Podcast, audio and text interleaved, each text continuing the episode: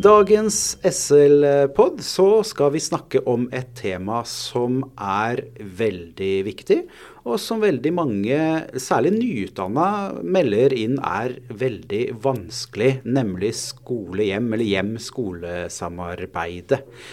og med meg for å snakke om dette temaet, så har jeg Kari Stamland Gusfred, som jobber på UiS. Eh, velkommen. Takk. Kan du fortelle litt om, eh, om deg sjøl? Ja. Eh, Kari Stamland-Gussfred jobber på Læringsmiljøsenteret ved Universitetet i Stavanger. Eh, og vi har to avdelinger på Læringsmiljøsenteret. Den ene er i Stavanger, og den andre er lokalisert i Porsgrunn. Og det er her jeg jobber, og her vi sitter nå.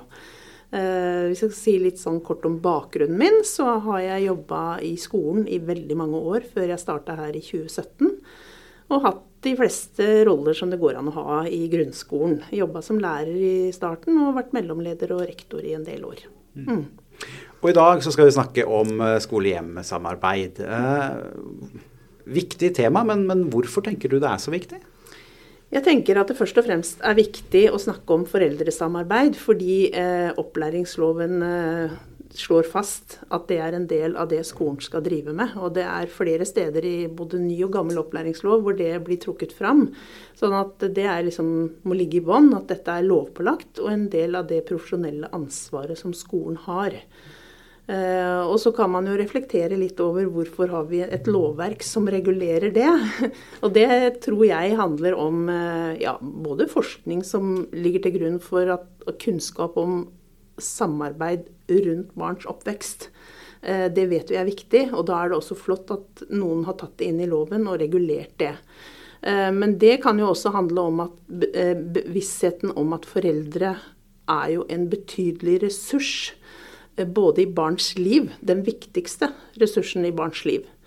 Og det ville være veldig dumt om skolen, som også har en annen viktig, betydningsfull rolle i barn og unges oppvekst og liv, eh, at de to viktige ressursene ikke samarbeider. Eh, og at skolen faktisk tar i bruk den ressursen som foreldremassen utgjør.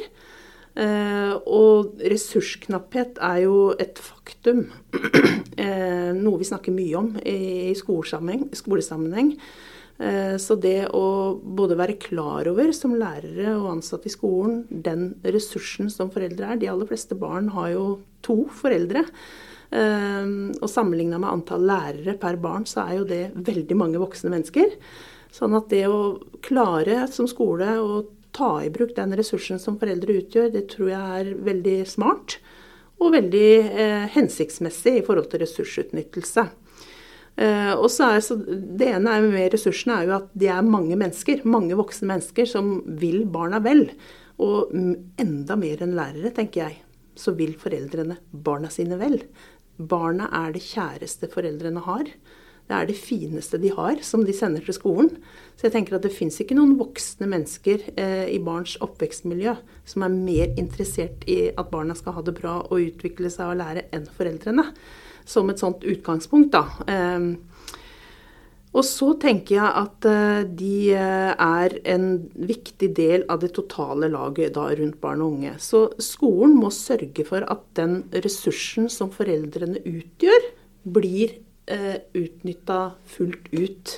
Jeg synes Det er spennende det du sier om laget, laget rundt eleven. Da, for det er jo noe som vi er veldig opptatt av da, i, i, SL. Det er å bygge det laget. Og at også foreldrene er en del av det, syns jeg er et spennende, spennende, perspektiv. Jeg kan komme litt tilbake til det, liksom, hvorfor det er, er, vanskelig. For jeg tenker altså, Selv om man skal se på det som en ressurs, så er det jo i enkelte situasjoner hvor man kanskje kan sitte, sitte og, og, og, være i en situasjon hvor, hvor, det kanskje ikke akkurat føles sånn. Men, men jeg hang meg litt opp i at du sier at det er lovpålagt, altså så er skolen sitt ansvar. Eh, hva, hva, tenker du er skolen sitt ansvar, hva tenker du er lærer sitt ansvar, og, og, det forholdet mellom der? Ja, mellom på skolenivå og lærernivå, er ja, det det du tenker? Ja. Uh, hvis jeg skal starte med skolenivå, da, så tenker jeg primært tenker jeg liksom rektor og skoleledelsen, hva de legger til rette for. Uh, og da ansvaret knytta til foreldresamarbeid uh, på det nivået er jo å legge til rette for at de ansatte både har tid til å jobbe med foreldrene, At det blir prioritert som en del av skolens totale utviklingsarbeid i forhold til kompetanse til å samhandle godt med foreldrene og det mangfoldet som det egentlig representerer. Skolen treffer alle barn. Eh, dermed treffer de også alle foreldre. Og mm. det er et mangfold som er nesten grenseløst. Sånn at eh, det å være kompetent til å samarbeide godt med det mangfoldet av elever, det krever jo at skoleledelsen legger til rette for at de ansatte kan eh, jobbe med det og utvikle praksisen sin eh, i forhold til å få det til. Um, så eh, tilrettelegging på skolenivå for tid eh, til å gjøre det og til å bli god på det, og ha noen å spare med, og også støtte når det blir vanskelig.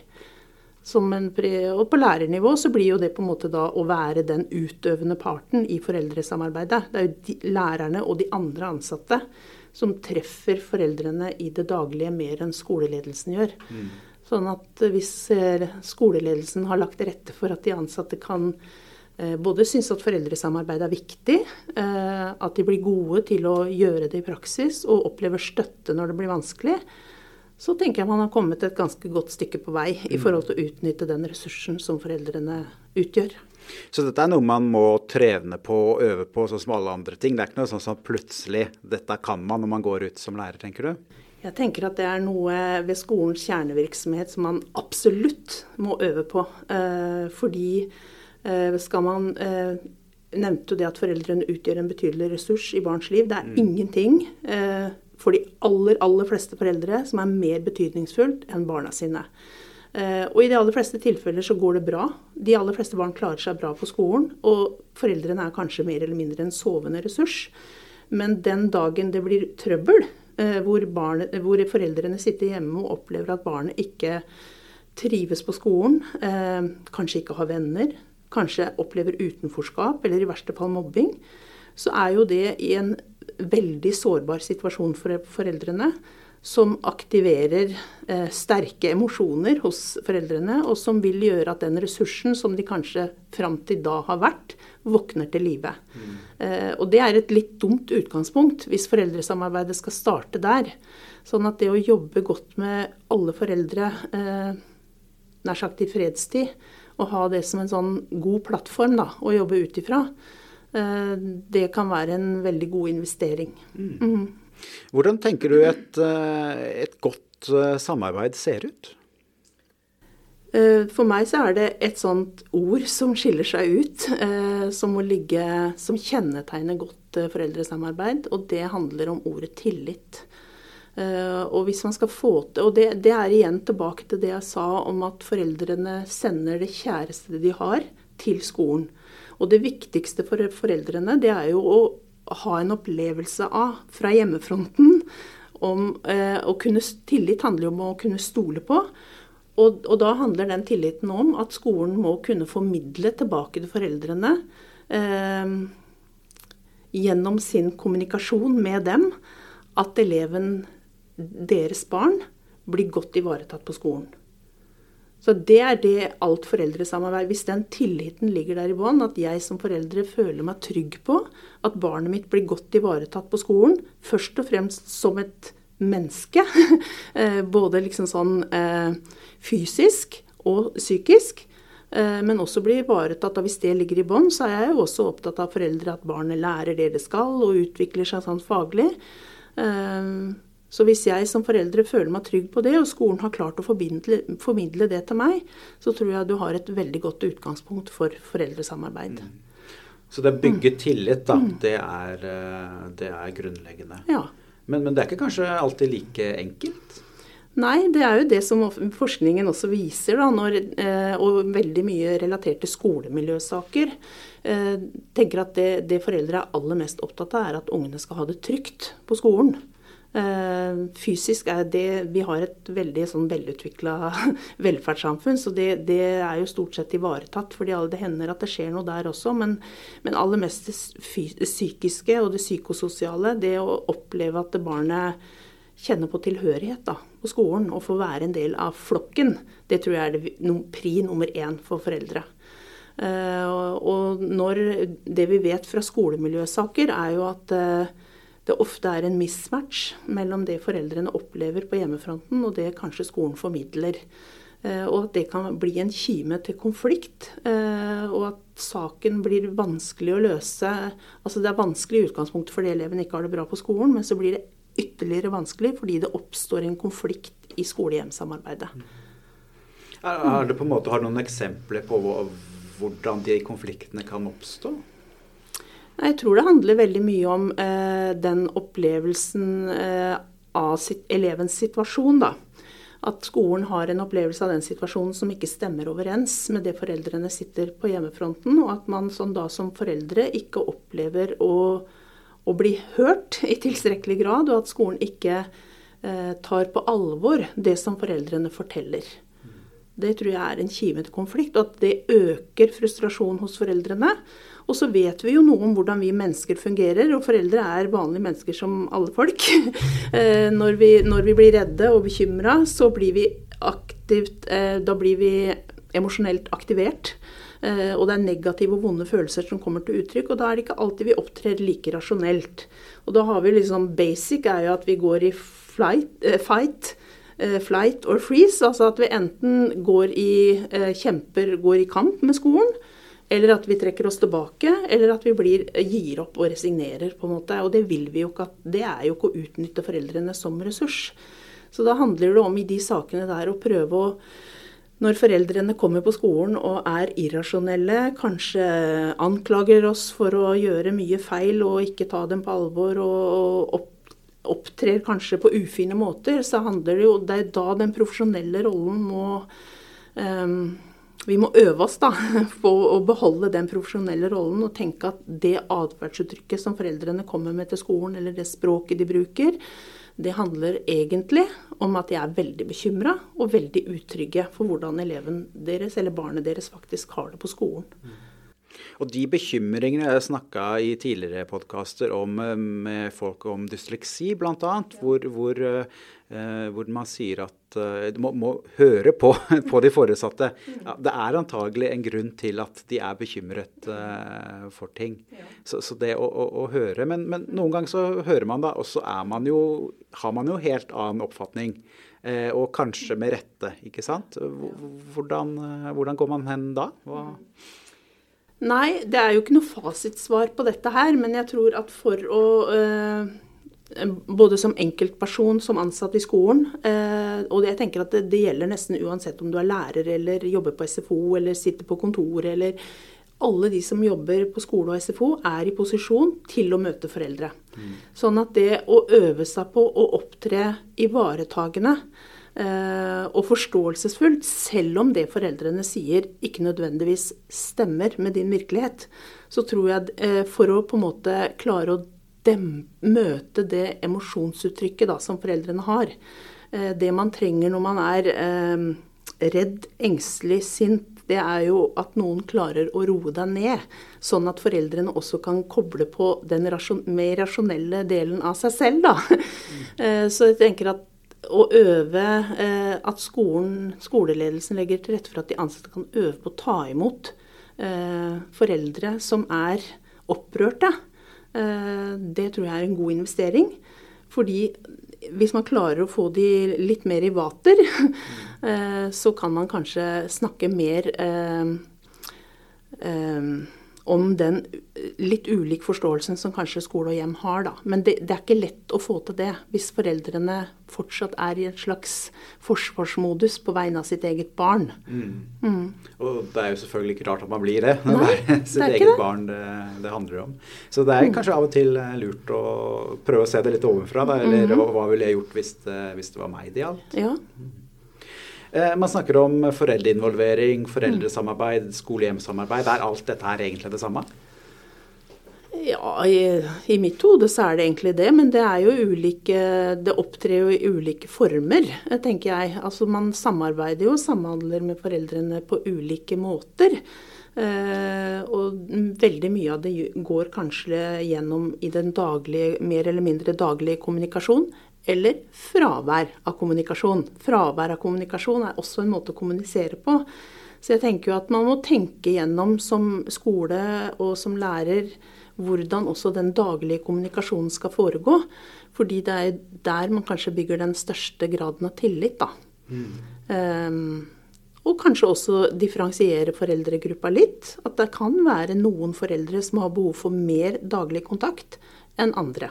De aller fleste har mest sannsynlig ikke det, men at man klarer der å identifisere de foreldrene som av ulike grunner, da, det kan jo være opplevelser de sitter med sjøl fra sin egen skolegang, eller at de er generelt engstelige for barnet sitt fordi barnet har en del sårbarheter ved seg.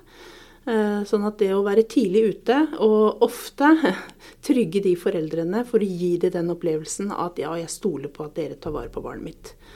Eh, det tror jeg kan være lurt. Men så har du jo også de andre arenaene som er liksom mer regulert gjennom lovverket vårt, med jevnlige elevsamtaler, de felles foreldremøtene. At man eh, tenker nøye gjennom der også hvordan man planlegger og gjennomfører de. For at det skal også ytterligere da eh, ivareta foreldrene og hjelpe foreldrene eh, i den mm, viktige rollen de har som eh, ansvarshavende da, for barna. Det er jo de som har det primære ansvaret for, for, barna. Og noen foreldre trenger støtte til den jobben, mens eh, det som også er viktig, er at skolen trenger jo den støtten som foreldrene kan gi. Eh, de som kjenner barnet sitt best, og det er de som vet hvordan barnet opplever skolehverdagen sett fra hjemmesiden, den, den, tilgangen har ikke vi som jobber i skolen. Vi er helt avhengig av å få den informasjonen fra foreldrene. Og for at foreldrene skal gi oss den en, uh, i en setting hvor de uh, føler seg ivaretatt, så er det jo viktig at det ligger sånn grunnleggende fundament av tillit i bånd.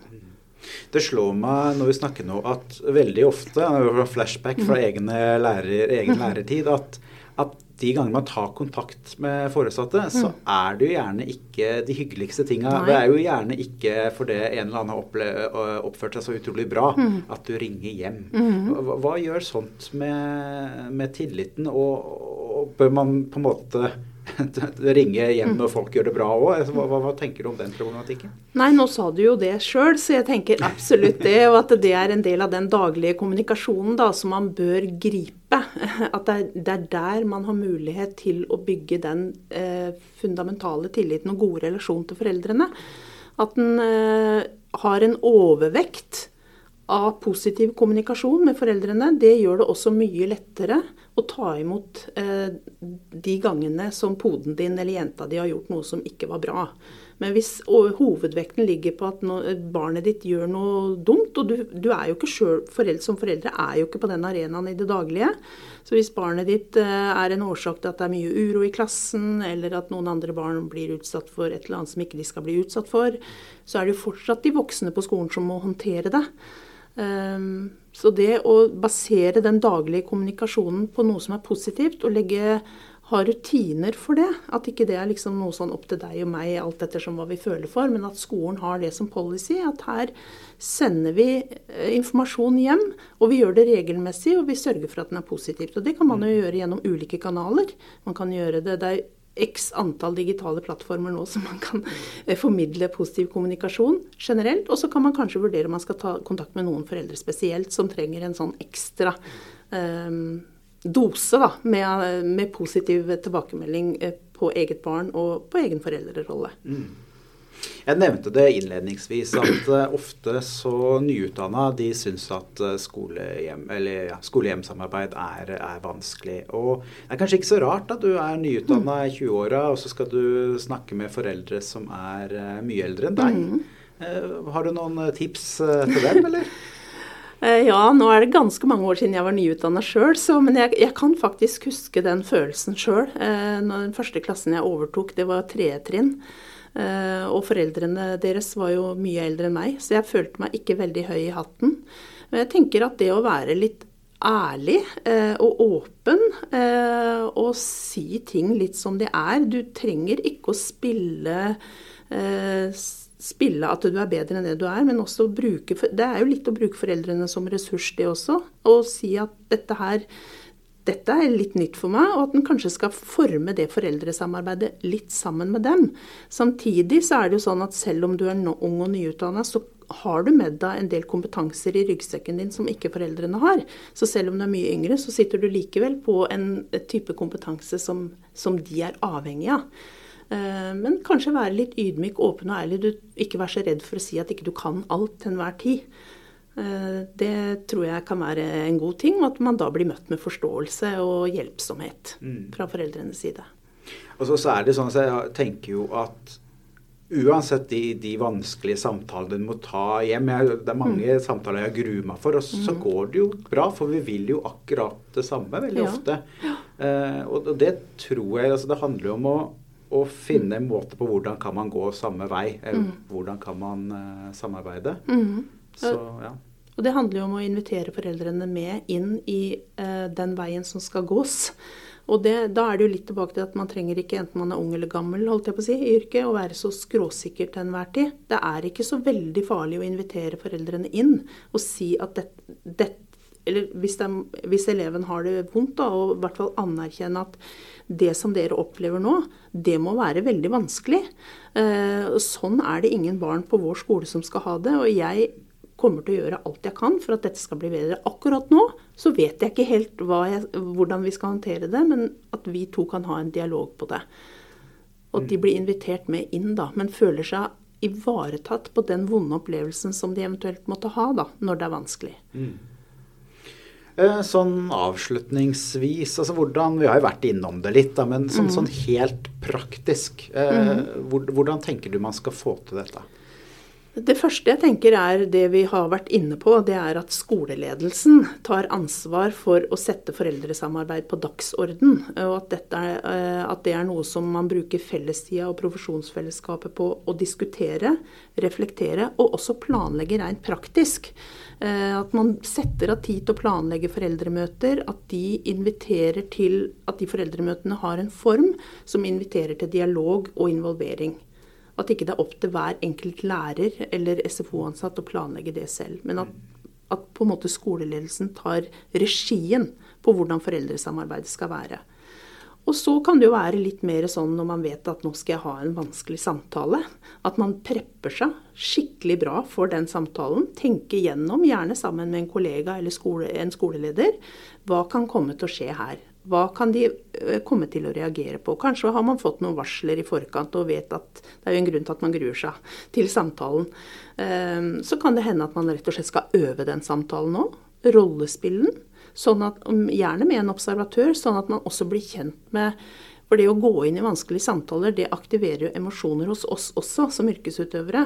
Og det er veldig ugunstig om, om det på en måte tar over i møtet. At man har gjennom et sånt ja, prepping eller øvelse på forhånd har kjent litt på hvilke emosjoner er det som kommer opp i meg nå. Mm. Uh, og, og, bli litt bedre på å håndtere det og regulere det da, ned. Uh, og kanskje også øver i noen fraser når man ikke helt vet hva man skal svare. At man sier at det som du sier der, det, det skjønner jeg var vanskelig for deg. Jeg vet ikke helt hva vi skal gjøre med det nå, men jeg skal sjekke litt her. Jeg skal snakke litt med noen kollegaer, og så kommer jeg tilbake til det. Så man trenger kanskje ikke å eh, Så man unngår følelsen av å bli trengt opp i et hjørne da, når man står i møte med foreldre som er i en vanskelig situasjon. Planlegging, øving, eh, samarbeid med kollegaer er gode ting, tenker jeg, som, eh, som man kan gjøre for at man skal bli bedre. Mm. Er det noen fallgruver som du ser?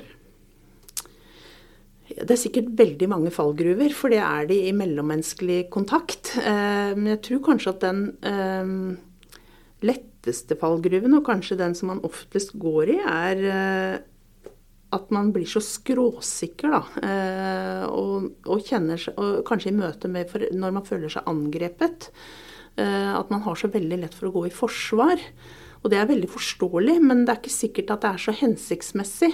Og det er da, eh, når man opplever det, at man kanskje skal prøve å kjøpe seg litt tid. Eh, og ha noen sånne setninger som man kan si til foreldrene, sånn at de på en måte roer seg ned, men likevel vet at dette kommer de til å ta alvorlig. At man trenger kanskje ikke å svare opp alt asap. Um, og ikke være så skråsikker til enhver tid. Det er lov å si at man er usikker på her og nå hvordan du skal håndtere det, men love foreldrene likevel at dette skal jeg ikke slippe. Mm. Jeg tror det vi kan la det være siste ordet. Ja. Tusen hjertelig takk for en veldig hyggelig samtale om et veldig viktig tema. Og så håper jeg at eh, det var eh, lærerikt også for de som hører på. Tusen takk. Takk i like måte.